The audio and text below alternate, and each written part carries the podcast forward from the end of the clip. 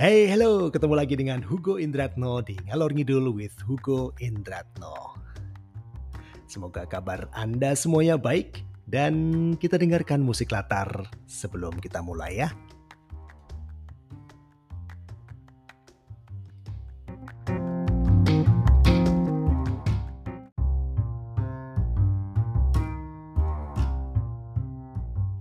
Iya, kita ketemu lagi di episode kedua, tapi masih di season 5. Masih sama saya ya, Hugo Indratno di Ngalor Ngidul with Hugo Indratno. Mungkin ada yang penasaran, kali ini kita mau ngobrol apa? agak agak agak filosofi lagi seperti kemarin. Kita masih ngobrol-ngobrol tentang seputar hidup manusia. Tapi kali ini saya kasih judul hidup hidup hid, bukan hidup tapi hidup ya hidup individu yang semakin usang weh.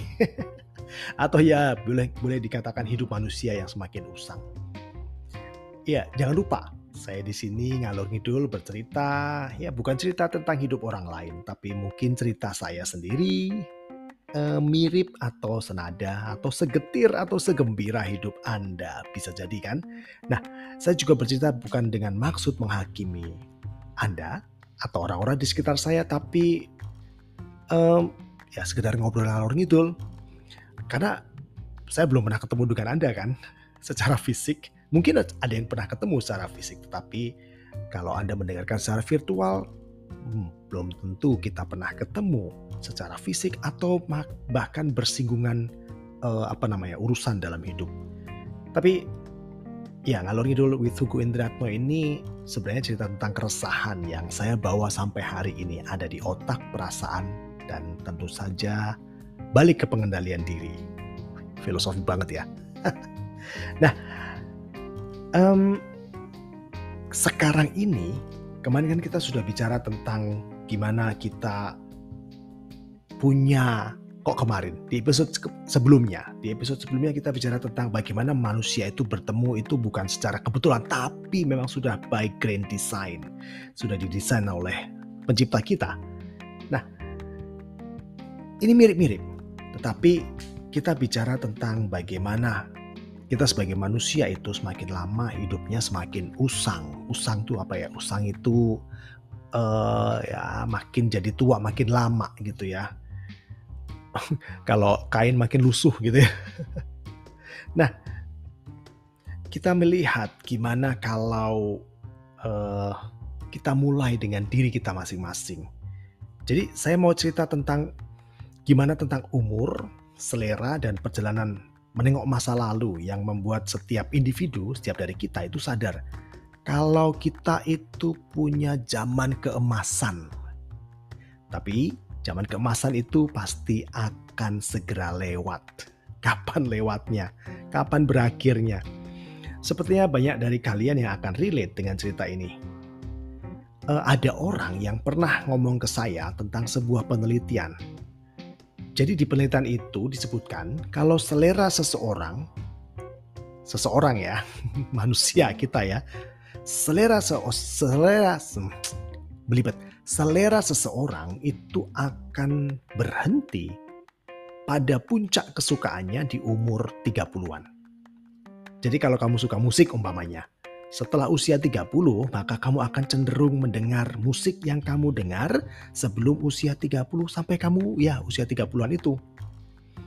Maka memang mulai banyak orang di usia 30-an itu yang mendengarkan akhirnya mendengarkan kompilasi lagu hits yang saat mereka usia remaja hingga usia 30-an. Ya kalau saya dengarkan uh, apa namanya uh, New Kids on the Block, Metallica, Tommy Page, uh, ya kayak gitu-gitu ya.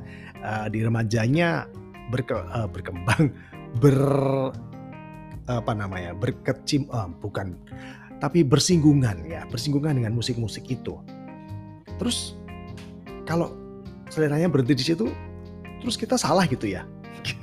ya enggak juga. Itu wajar, itu wajar. Jadi tenang ya, jangan khawatir, jangan resah, jangan baper. Kalau dalam hal ini, mungkin kita bisa relate dengan diri sendiri. Mungkin kita sekarang lagi, uh, kita, kamu mungkin ya, Anda semua yang dengar mungkin akan mikir, oh iya ya, saya terakhir dengar lagu apa ya? Apakah uh, teman-teman ada mungkin beberapa persen dari kita yang masih mendengarkan uh, grup-grup musik zaman sekarang, BTS ya, namanya begitu ya. Tapi selera tidak hanya musik, banyak ya. Nah, ketika kita melihat semuanya, maka kita bisa relate. Mungkin juga selain musik ada makanan, tempat belanja, tempat nongkrong, tempat wisata, teman, dan bahkan event alias acara publik, acara publik ya semacam konser, festival dan semacamnya. Masih banyak yang lainnya. Mungkin teman-teman bisa apa namanya? cari tahu ya, menelisik diri sendiri. Wah bahasa kerennya, bahasa apa ya? Psikolog. Maka nggak salah kalau kadang ada istilah kita jadi orang jadul alias zaman dulu, nggak zaman now. Jadi setiap manusia memang punya masanya, masa kecil, remaja, dewasa, tua, di mana banyak orang sepakat bahwa masa remaja dan dewasa adalah puncak hidup seseorang, puncak hidup seorang, puncak hidup individu. Setelahnya, ya jawab sendiri. Nah,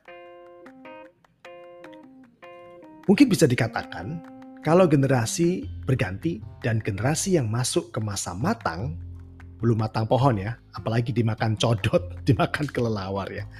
Mereka yang masuk ke masa matang mulai sibuk dengan rutinitas bertahan hidup demi mempertahankan stabilitas dan cita-cita. Misalnya, sibuk kerja demi bayar cicilan rumah, mobil, motor, dan sekolah anak-anak. Supaya dapur tetap ngebul maka semarak masa sebelumnya tidak lagi menjadi fokus hidup. Masa itu sudah berlalu. Kayak lagu ya. Dan hanya untuk dikenang. Aduh, sedih banget, sedih banget.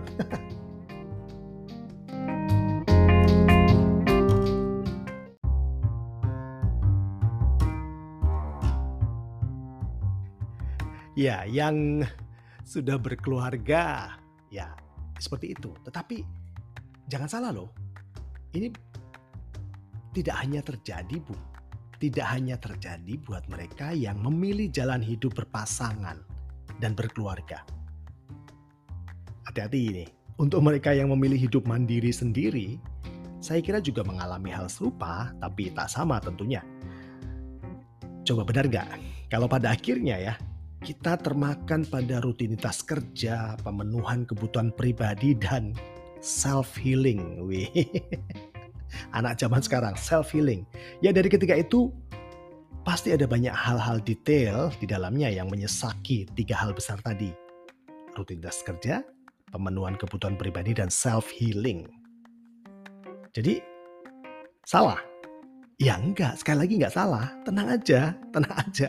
Jangan Anda terus dengar, terus langsung, wah, wasem gitu ya. kurang ajar nih gitu ya. Enggak, enggak, enggak, enggak salah. Karena semua itu memang standar survival kita sebagai manusia dengan segala kemelekatan budaya manusia. Susah nggak? Kemelekatan, ada kelekatan pada budaya manusia untuk standar survival aja gitu kan. Nah, balik lagi, yang saya perhatikan adalah mengenai pemenuhan kebutuhan pribadi dalam konteks menjadi makhluk sosial. Ya kan? Kita kan tadi kan kalau kita bicara tentang pemenuhan kebutuhan pribadi kan sosial itu kan salah satunya. Jadi saya nggak tahu apa kamu mengalaminya, Anda mengalaminya, tapi semakin hidup manusia bertambah usia, maka lingkaran sosialnya semakin mengecil. Semakin mengecil. Bener nih, coba dicek yuk. Boleh jadi ya, saya ya, saya punya teman sekian ribu di FB, di Facebook. Follower sekian K, wah sekian ribu di Twitter, dan IG saya sampai dapat centang biru sebagai pengakuan figur kepublikan saya. Enggak, enggak, saya belum dapat centang biru, tenang aja.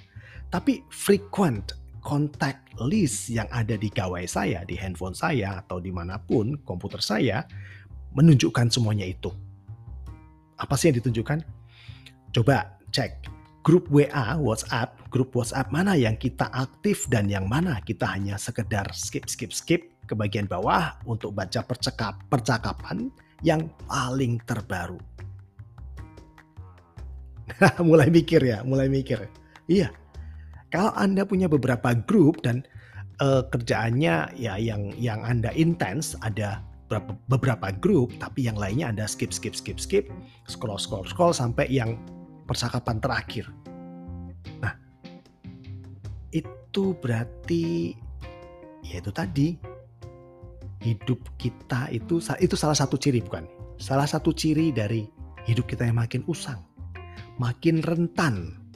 Ibarat baju yang sudah lama belinya, maka makin hati-hati pegangnya.